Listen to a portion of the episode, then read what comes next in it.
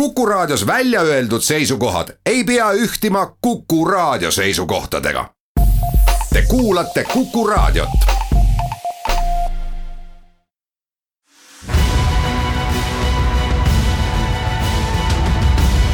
kaks ühes.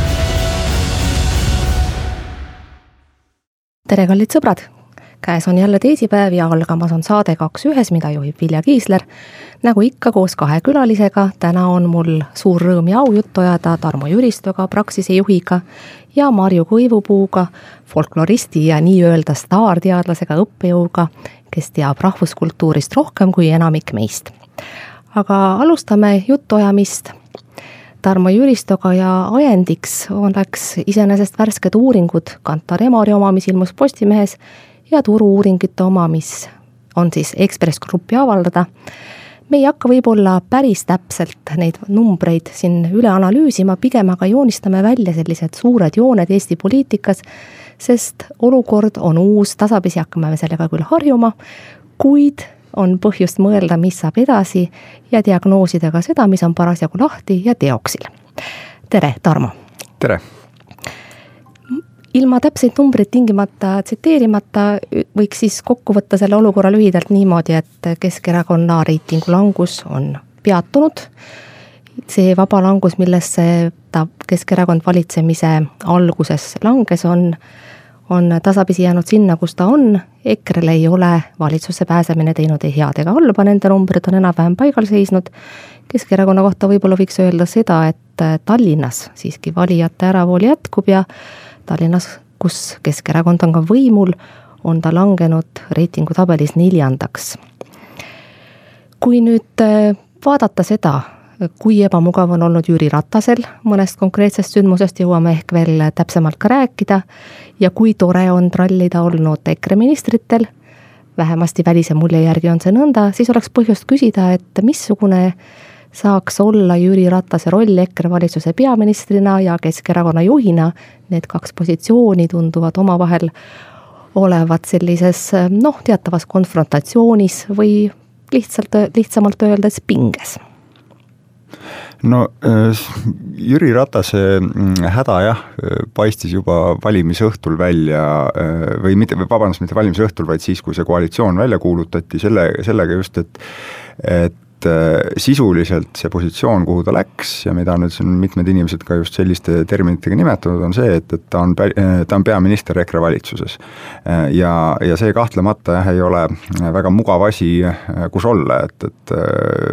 noh, kui vaadata kõiki neid sagedasi vabandamisi, mida on ette tulnud, mida nüüd vist viimane nädal aega ei olegi olnud või, aga, aga ju neid tuleb veel. ja siis jah, teine see mure on siis Äh, kuidas see mõjub ennekõike just nimelt siis sellele Tallinna äh, võimuolukorrale, kus Keskerakond on mitte ainult võimul, vaid ainuvõimul praegu. ja on harjunud tükk aega seal olema ja, ja see on nüüd jah, tõepoolest selline, selline koht, mis tegelikult äh, võib valus olla ja muret teha ja, ja minu enda tunne on see, et et eks siin noh, nagu Jüri Ratas ka peale seda valimiste järgset esimest suuremat populaarsuse langust talle omasel sellisel rahulikul kaalutlusel kujutatud moel ütles, et äh, andke nüüd aega atra seada ja küll see asi normaliseerub, inimesed harjuvad ära ja, ja siis äh, näevad, et valitsus teeb head, tegelikult head tööd ja siis, äh, siis kõik läheb tagasi nii, nagu ta oli. noh, see esiteks ei paista olevat niimoodi juhtumas või vähemalt nii kiiresti juhtumas, kui, kui Jüri Ratas alguses vast lootis, aga teine jah, palju suurem mure on see, et, et see ei ole lihtsalt selline ühtlane, kuidas öeldagi, rahulolematus, vaid just nimelt tõsine asi, millele tähelepanu pöörata, on siis äh, Tallinna äh, valijate äh, meelsuse muutumine või nihkumine. ja see on asi, millega erinevalt siis sellisest üldisest populaarsusest, et valimised on alles nelja aasta pärast, et sinnamaani siin vahepeal võivad inimesed küsitlusi korraldada üht või teistpidi, aga et see ei muuda häälte jaotust Riigikogus siis äh, kahe aasta pärast, vähem kui kahe aasta pärast on meil kohalikud valimised. Ja see on nüüd küll asi, et äh, kus äh, tõehetk võib varem koju kätte tulla, isegi kui see kaks aastat, sellepärast et kui siin umbes noh, vähem kui aasta pärast hakatakse KOV-i valimiste kampaaniaid liikvele panema ja, ja, ja mõtlema nende peale tõsisemalt, et siis on muuhulgas ka Mihhail Kõlvartil see mõtlemise koht, et, et kui vaadata, kui palju hääli tema isiklikult tõi viimastel valimistel, mis on tema ambitsioonid, mida tema võiks tahta Tallinnas teha, et siis äh, selles valguses võib see äh, praeguse koalitsiooni hind Keskerakonnale äh, natuke võib-olla liiga kõrgeks osutuda aga mis oleks iseenesest see, mida Keskerakond praeguses olukorras teha saab? see, nagu sa nimetasid, et Jüri Ratas on EKRE valitsuse peaminister, ei ole enam mitte mõne üksiku analüütiku või, või mõne konkreetse ajakirjaniku väljaütlemine, vaid see on midagi, mis on kujunemas noh, ütleme selliseks üldiseks arusaamaks. Ja see ei tulene mitte sugugi ainult sellest, et seda on piisavalt palju korratud, vaid see on tõsiasi selle taustal, mida me näeme kogu aeg toimumas, olgu see siis Martin Helme soolo ECOFINil või, või mõned teised Jüri Ratasele erakordselt ebamugavad vahejuhtumid, kui neid niimoodi nimetada, rääkimata siis EKRE ministrite noh, laiemast ebakompetentsusest, nimetagem näiteks Gerd Kingot ja me saame kõik aru, millest me räägime, mis on ikkagi see, mida Keskerakond teha saab? ta ei saa ju lihtsalt oodata, et aeg läheb ja inimesed harjuvad, inimesed harjuvad tõepoolest, aga see ei ole ilmselt see, mille peale Keskerakond saaks üles ehitada eeldatavat toetuse tõusu ma kõigepealt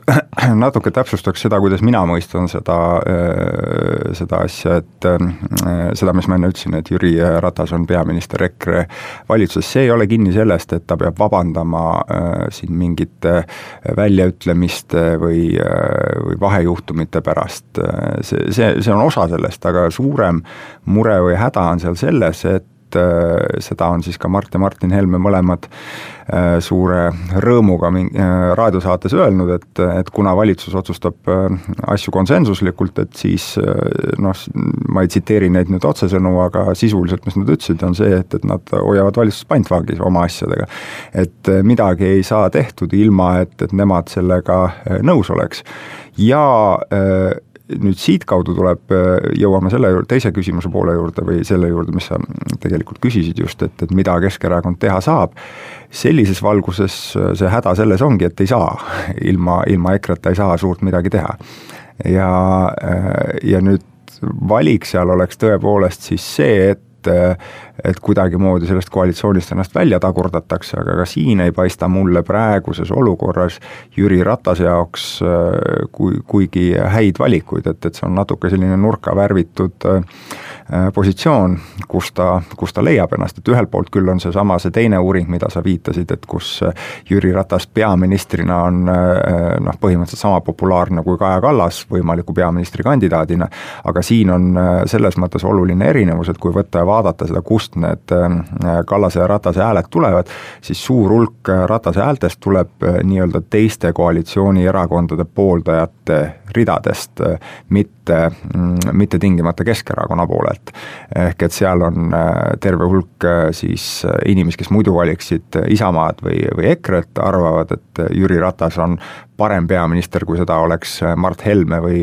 või Helir-Valdor Seeder, erinevatel siis tõenäoliselt taktikalistel põhjustel. ja, ja see on veidi, veidi teistsugune olukord, et, et ühesõnaga, seal on natuke sellist praeguse istuva peaministri aurat, mis lubab Jüri Ratasel seda toetusnumbreid kõrgemalt näidata või mis ma teistpidi tahan öelda, on see, et kui Jüri Ratas peaminister ei oleks, siis tal oleks selleks saada palju raskem. Kui, äh, kui Kaja Kallasel, kes praegu ei ole peaminister, aga kellel on toetus äh, selle saamiseks äh, nagu noh, kuidas öeldagi, monoliitsem või, või, või selgem, selgem ja tugevam, homogeensem see on päris täpselt sõnastatud, teeme siinkohal pausi ja kuulame ära reklaamid, mis formaadi kohaselt siia vahele käivad ja jätkame siis sealt, kus me pooleli jäime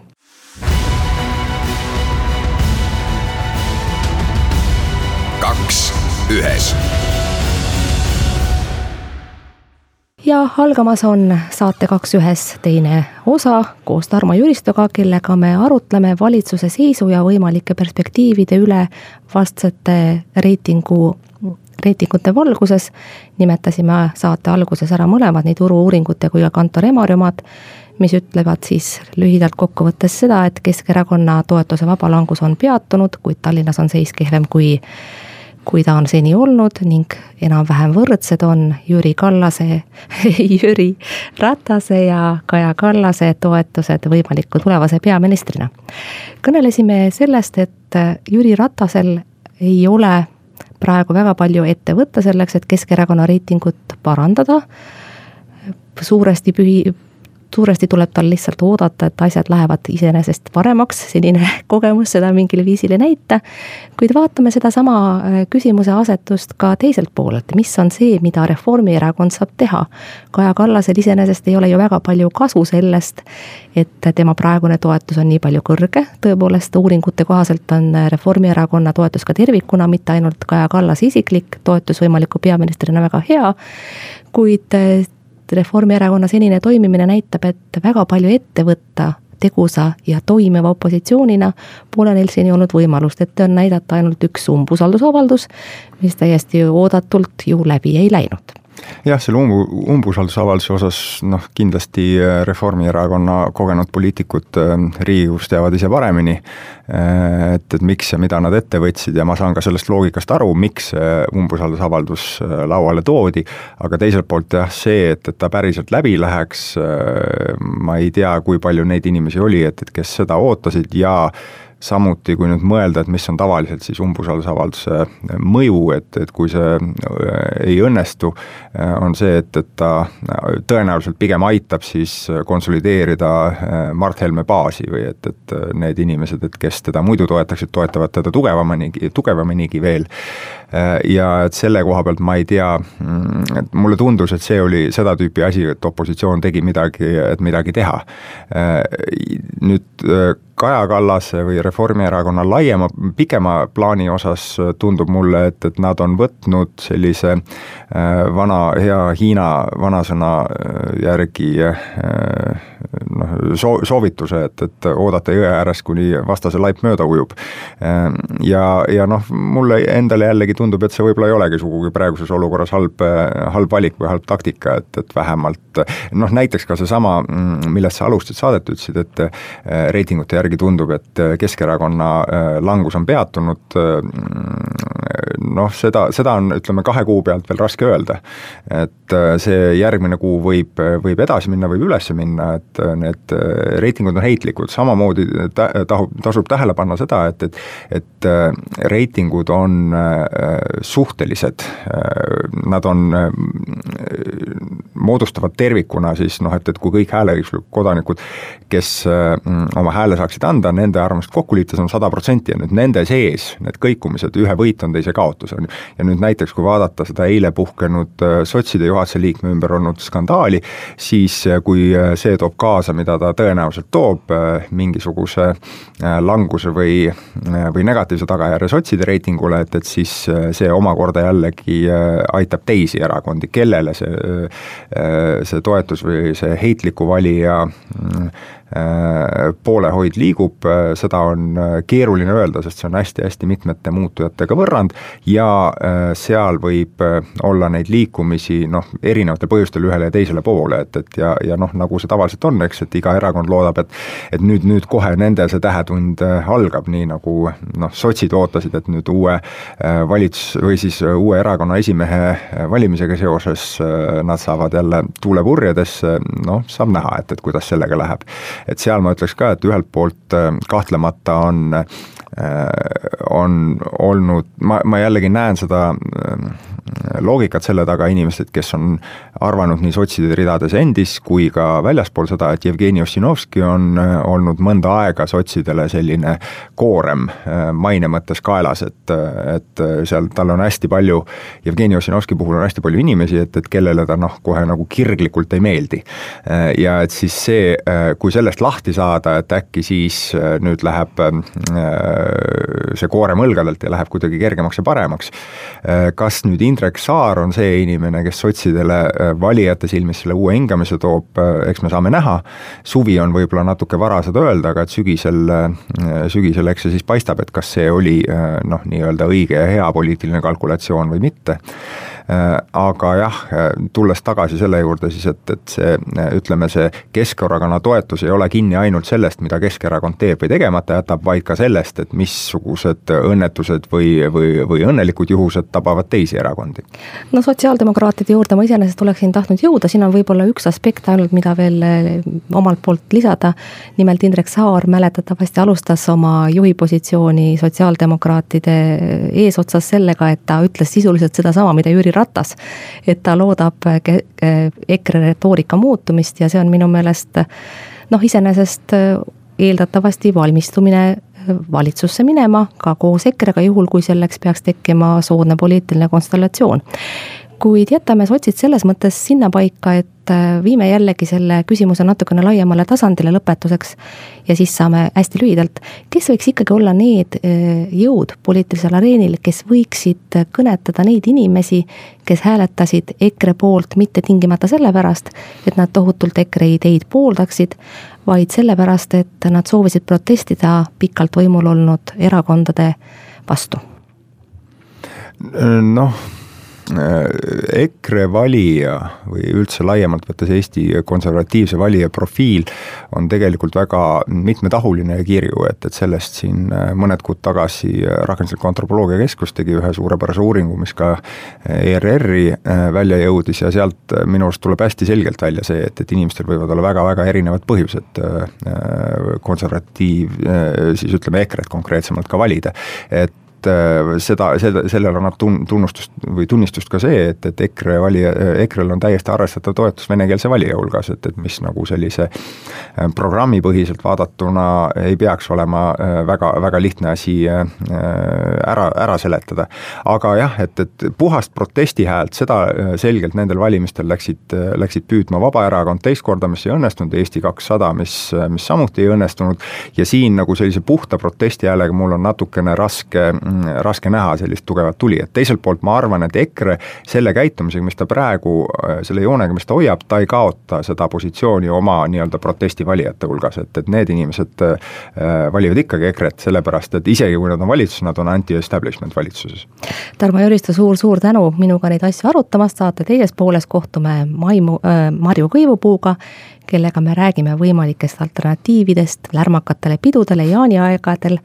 võib-olla Eesti rahvuskultuurist pärit mõtted ja kombed võiksid rikastada valikuid pidada jaanipidusid ka nüüd.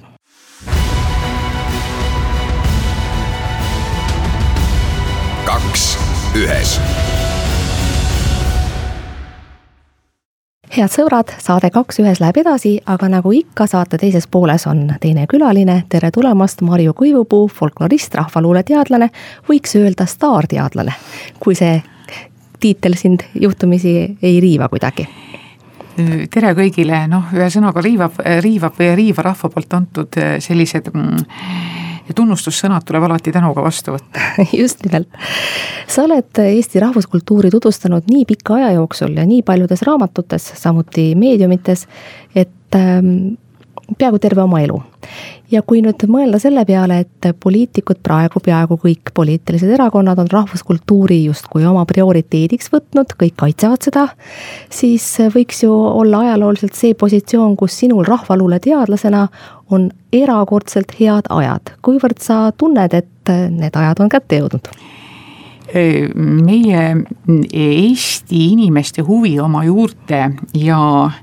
kultuuri vastu on minu arvates läbi aegade täiesti poliitilistest vooludest sõltumatult olnud kuidagi natukene nii-öelda lahti seotud. sest kui me läheme ajas tagasi, mõtleme hurda ajale, mõtleme näiteks kahekümnendatele, no kolmekümnendatel Pätsu vaikiva ajastuga olid lood juba pisut teised. aga üks asi on äh, nii-öelda paberitel teha ilusaid sõnu teine asi on sellega sisuliselt tegeleda, seal ma teatavat sellist paralleelreaalsust vaieldamatult tajun. ja omaette niisuguse pika teksti võib-olla saaks ka sellest millest on juba hakatud väga palju kirjutama, on üldse humanitaarteaduste roll meie teadusmaastikul, selle rahastamine ja selle sobitamine kaasaegse teadusbürokraatiaga. aga mis nüüd selliste mm, rahvusteaduse populariseerimisse puutub, siis arvestades seda, kui palju aeg ja elulaad meie ümber on pidevalt muutunud siis ma arvan, et humanitaarteadused täpselt samamoodi nagu reaalteadused vajavad populariseerimist, sest muidu võib-olla lapsed teavad ainult seda, kuidas Tuhala nõiakaevus nõiad vihtavad, aga ei tea tegelikult seda, et seda niisugust huvitavat loodusnähtust põhjustab karstiala ja kõik sellega seonduv et äh, rahvusteadustes on täpselt samamoodi nagu reaalteadustes minu arvates võimalus minna ka sellisesse ähm, noh, kuidas ma ütlen, natukene uhuu äh, suunda aga teisalt, nagu me teame näiteks Pätsu vaikivast ajastust, on ka rahvuslust võimalik rakendada ja seda on rakendatud mitte ainult Pätsu, Pätsu ajal, vaid ka mujal, muudel aegadel. võtame siin Nõukogude lähimineviku, on ju poliitilise vankri ette, nii et paratamatult äh, on sellistel mm,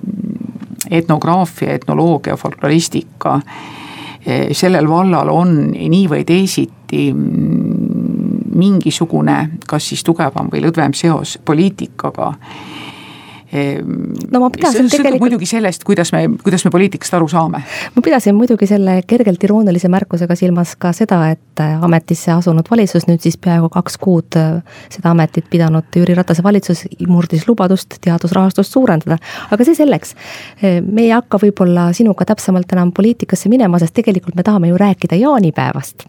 sest.... jaanipäev on väga poliitiline sündmus, sellepärast et sellel päeval me tähistame ju võidupüha. no täpselt, sinna oleksime jõudnud, aga sa ütlesid kohe ära, et tegelikult kuidas sinu meelest on need kaks äh, asja omavahel seotud või kuivõrd nad te inimeste teadvuses koos eksisteerivad? mulle tundub, et äh, nad on kuigi ajaliselt ju täpselt kattuvad ja noh, ajaloolise sündmuse mõttes on ju siin selge taust olemas, eks ole, Võit Landesveri üle mm, -hmm. siis äh, mu meelest ei ole see selline laiem seos nende kahe asja, ajaloolise sündmuse ja jaanipäeva vahel kuigivõrd aktuaalne. No jaanipäev kui niisugune rahvapüha ja päikese, ütleme siis muinasaega, muinas- või esiajast meile meie traditsiooni jäänud nii-öelda päikese austamise püha ja, ja suve tervitamine ja rõõmuga vabasse loodusse minek on vaieldamatult äh, nii-öelda rahvatraditsioonidele tuginev, täpselt samamoodi nagu äh, tänapäeva noored sageli ei tea, kus, kus seda võnnut tuleb otsida, kas Tartu külje alt, seal, kust on, sündis Gustav Suits või tuleks järsku minna praegusele Läti territooriumile. nii tõenäoliselt ei seosta ka väga paljud inimesed eh, noh, jaanipäevaga näiteks Kristi, Risti ja Johannese sünnipäeva, mis on samas väga oluline õigeusklike setude jaanipäeva traditsioonis. ja eks nagu selliste rahvalike tähtpäevade puhul eh, Nad on ühelt poolt on ju sild eh, või purre, kuidas kellelegi kaugemasse minevikku ja täpselt samamoodi me mängime jaanipäeva tähistades ju läbi väga nii-öelda sellesse esivane, esivanemate traditsioonidele mm, tuginevat nii-öelda rituaalselt igal aastal läbi, eks ole, hakkab pihta see juba jõulude ajal, kas jaanid tulevad kuivad või ei tule. ja siis ilmub arvukalt eh, kuulutusi, missuguste jaani tulede juurde tasub minna, aga üks asi on minu jaoks tähelepanuväärne, et kui me jõulude puhul räägime kommertsialiseerumisest, siis jaanide puhul me tegelikult sellest absoluutselt ei räägi, kuigi ütleme, teadlase pilk ütleb ju seda, et, et fenomen on ju sama. Ja eks see, et, et me tuleme nii-öelda inim-, noh, kogukondadena või inimesed tahavad seda päikesepüha tähistada õues lõkketule juures see on natukene ka meie nii-öelda asukoha, geograafilise asukoha eripära, et see on imeline, need valged ööd. loodus lokkab eh, nii-öelda see maksimum, maksimumi peal, kõik on tohutult ilus ja üldiselt Eesti selline mm, traditsioon on ju see, et jaanipäevast alates kuni siis eh, kahekümnenda augustini on Eestis suhteliselt suur vaikus, kõik ju puhkavad et see selline suve nautimine ja pikk suvine puhkus ja see on ju ka miski, mis on meile ainuomane ja noh, üks traditsioon käib ju ka jaanipäevaga koos, mis iseäranis Lõuna-Eestis on väga tugev, on, on kalmistupäevad. Mida on siis ka täpselt samamoodi, kust meil laulupeo traditsioon alguse sai, Kanepi kamb ja see kant, kus seda hakati tähistama, et mm, see sõltub ilmselt inimese, tänase inimese ilmavaatest, missuguse seose või missuguse Mm, kombinatsiooni ja kuidas ta siis seda nii-öelda kogu seda jaanipäeva tähistab, sellepärast et et inimesed on ju tänapäeval väga erinevad ja eh, kellele on armsad sellised rahvapärased kodused pühad, jaanipäev väikese lõkketule juures, kus on valitud seltskond, kodused toidud. kes tahavad äh, seista väga kaua jaanipäeval praami järjekorras näiteks, see on üks tähistamise vorm, tunde ja tunde Saaremaale ja tagasi, selleks, et seal ära käia. kelle jaoks on võib-olla oluline selle päeva poliitiline niisugune värving ja just nimelt see meie iseseisvus, no ta peaks ikka meile kõigile olema oluline nii et, et tõenäoliselt Eesti Eestis elavatel inimestel on üsna selliseid erinevaid jaanipäevi, erineva koloriidi, erineva aktsendiga.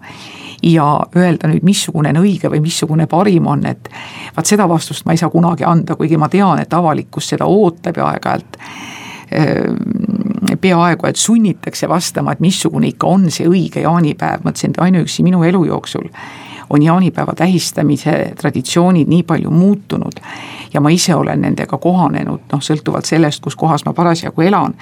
et ma ei tahaks öelda, et minu lapsepõlve jaanipäev oli kuidagi õigem kui see jaanipäev, mida ma nüüd tähistan.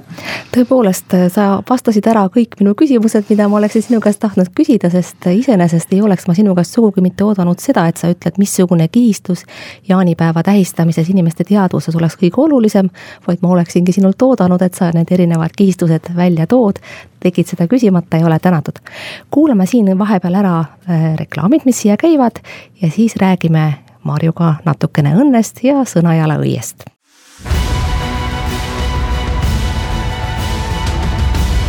kaks ühes head sõbrad, algamas on saate Kaks ühes viimane veerandtund koos folklorist Marju, Kõivupuuga.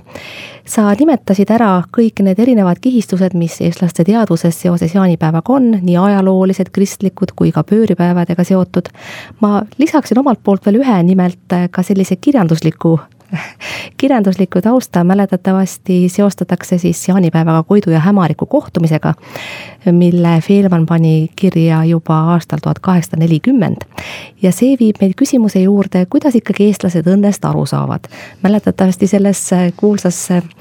kirjutises, mustendis, nagu me võiksime seda praegu nimetada, pakkunud siis vanaisa ehk siis vanajumal Koidule ja Hämarikule, kes teineteist ju armastasid ja ainult korra aastas kokku said, võimalust elada mehe ja naisena. kuid Koit ja Hämarik otsustasid, et nemad tahaksid igaveseks jääda pruudiks ja peiuks, sest nõnda olevat õnn elavam mu meelest võiks siit teha mõningad põhjapanevad järeldused selle kohta, kuidas eestlased saavad aru õnnest, eriti arvestades seda, et pööripäevad ja jaanipäev sealhulgas on alati seotud ka tuleviku ennustamisega noh, ja alati ju loodetakse tulevikult õnne. lisame veel siia juurde selle, et otsitakse Sõnajala õit, tänapäeval teavad isegi koolilapsed, et Sõnajalad ju ei õitse. ei ole kindel. mis peaks ju iseenesest ütlema seda, et igasugune õnne leidmine on võimatu mustendi põhjal abielus kindlasti, aga kuidas muidu? no hakkame kõigepealt kaugemalt pihta, et, et Kreutzwald kirjutas selle Koidu ja Hämariku muistendit võib pidada ka üheks Eesti esimeseks nii-öelda kirjandusteoseks, mis oli vaieldamatult saanud eeskuju kütet ja innustust tolleaegsest rahvusromantilisest vaimust. ja rahvusromantika juurde kuulub kindlasti ka see, et õnn on midagi niisugust, mis on lihtsurelikule üldjuhul kättesaamatu. Kui me vaatame nüüd e, nii-öelda selle abieluõnne juurde siis näiteks romantilist armastust on peetud ka varauusajal ja keskajal suisa haiguseks, mida tuleb ravida, sellepärast et ükski normaalne inimene ei abiellu armastusest, vaid see on hoopis teistsugune liit, mis on rajatud lapse, laste saamisele, kas-, nende üleskasvatamisele. ja eh, niisuguse haigusliku seisundi pealt ei olegi üldse võimalik seda teha. Aga mis nüüd eestlase jaoks õnn on, noh oskan ma seda öelda, eks ole, õnn on see võib-olla, eh, millest, mis on nagu inimese enda tarvidus, noh näiteks äh, folkloriseerunud on selline ütlus ju, et inimene on õnnelik siis, kui ta tahab hommikul tööle minna ja õhtul pärast seda koju. See oli mäletatavasti kunagi üks väga kuulus valimisloosung. Äh, absoluutselt, no nagu ma ütlesin varemalt ka, et ega siis poliitika vankri ette kannatab rakendada absoluutselt kõiksugust vedavat kraami ja samuti selliseid lihtsaid ja hinge puudutavaid äh, selliseid loosunglauseid aga samas kellelegi võib õnn olla tervis, kellelegi võib õnn olla laste hea käik, käik, kellelegi võib ta tõepoolest olla, nagu rahval laulus lauldakse, palju pappi. aga kui me vaatame meie vanemaidki rahvalaule, siis nendest rahvalauludest, regilauludest kooruvad ju välja need motiivid, et oleks hea, et saaks hea kaasaja heasse peresse, sest inimpõlvi tagasi, kus me tegelikult olime nii-öelda sellisest tuumikperest ja mitu põlve koos olevast perest, majanduslikult sõltuvad, kus üksi hakkama saamine oli ainuüksi majanduslikult välistatud tähendas ju abielu tegelikult otsust surmani. Ja selles kontekstis, kus sa saad valida üks kord, oli väga oluline, et nii-öelda see nool oleks võimalikult kümne lähedal, kas ta alati päris kümnesse sattus, seda mitte no Koidu ja Hämarikuga on mul tegelikult veel oma isiklik lugu ka, sellepärast et sellest mõistendist sai inspiratsiooni siis noorte laulu- ja tantsupidu. Siin eh, eelmine ju. Ja seal me arutasime seda muistendit hoopis sellest kontekstist, et mida õigupoolest see vastutuse võtmine tähendab, et, et vastutus oma elu eest ja vastutus ka mm, väga erinevate kohustuste eest, mida elu sulle eh, kas siis nüüd arusaadavatel või teinekord ka arusaamatutel põhjustel veeretab, et kuidas selle kõigega toime tulla. ja ma usun ka, et, et eestlane on elanud ju väga keerulises ajas ja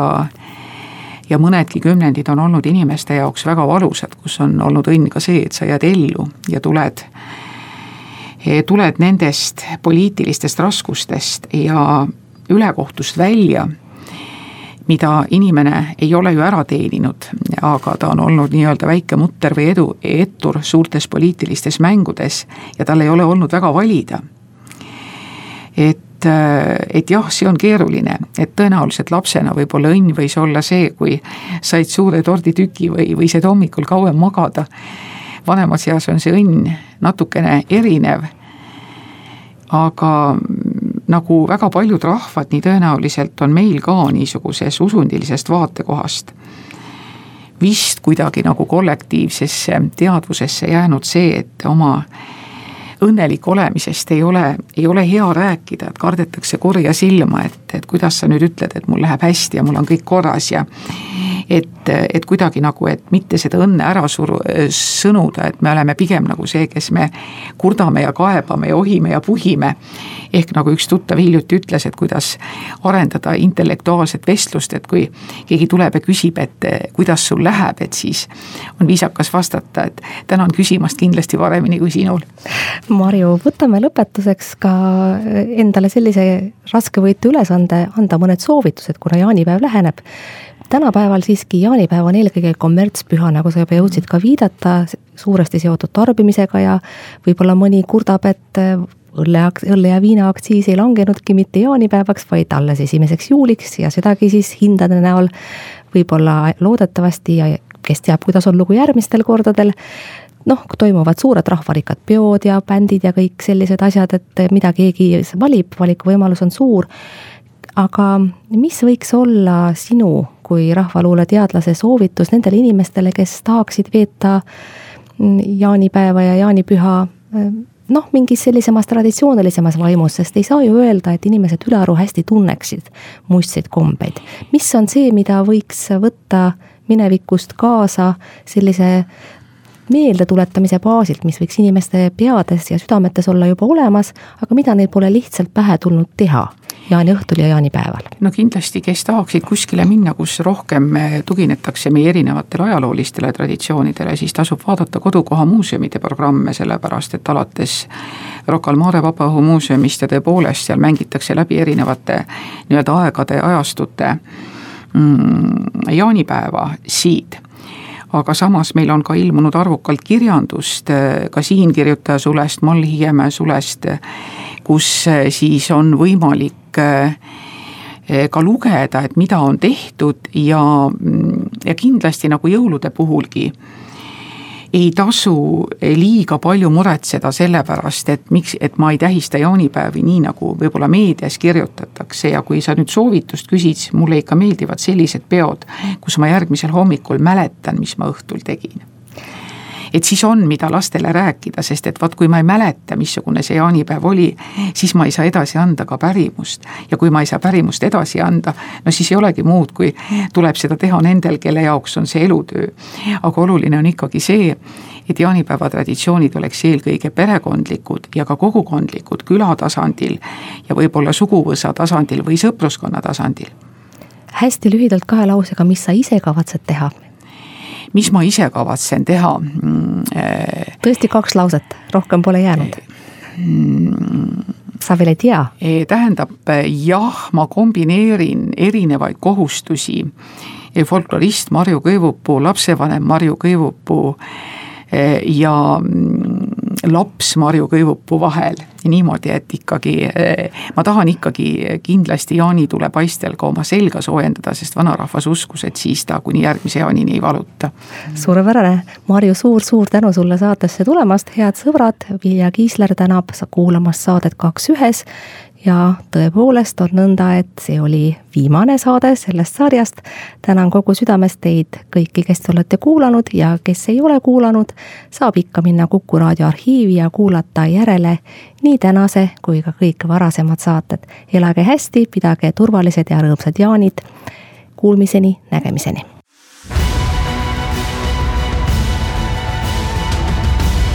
kaks ühes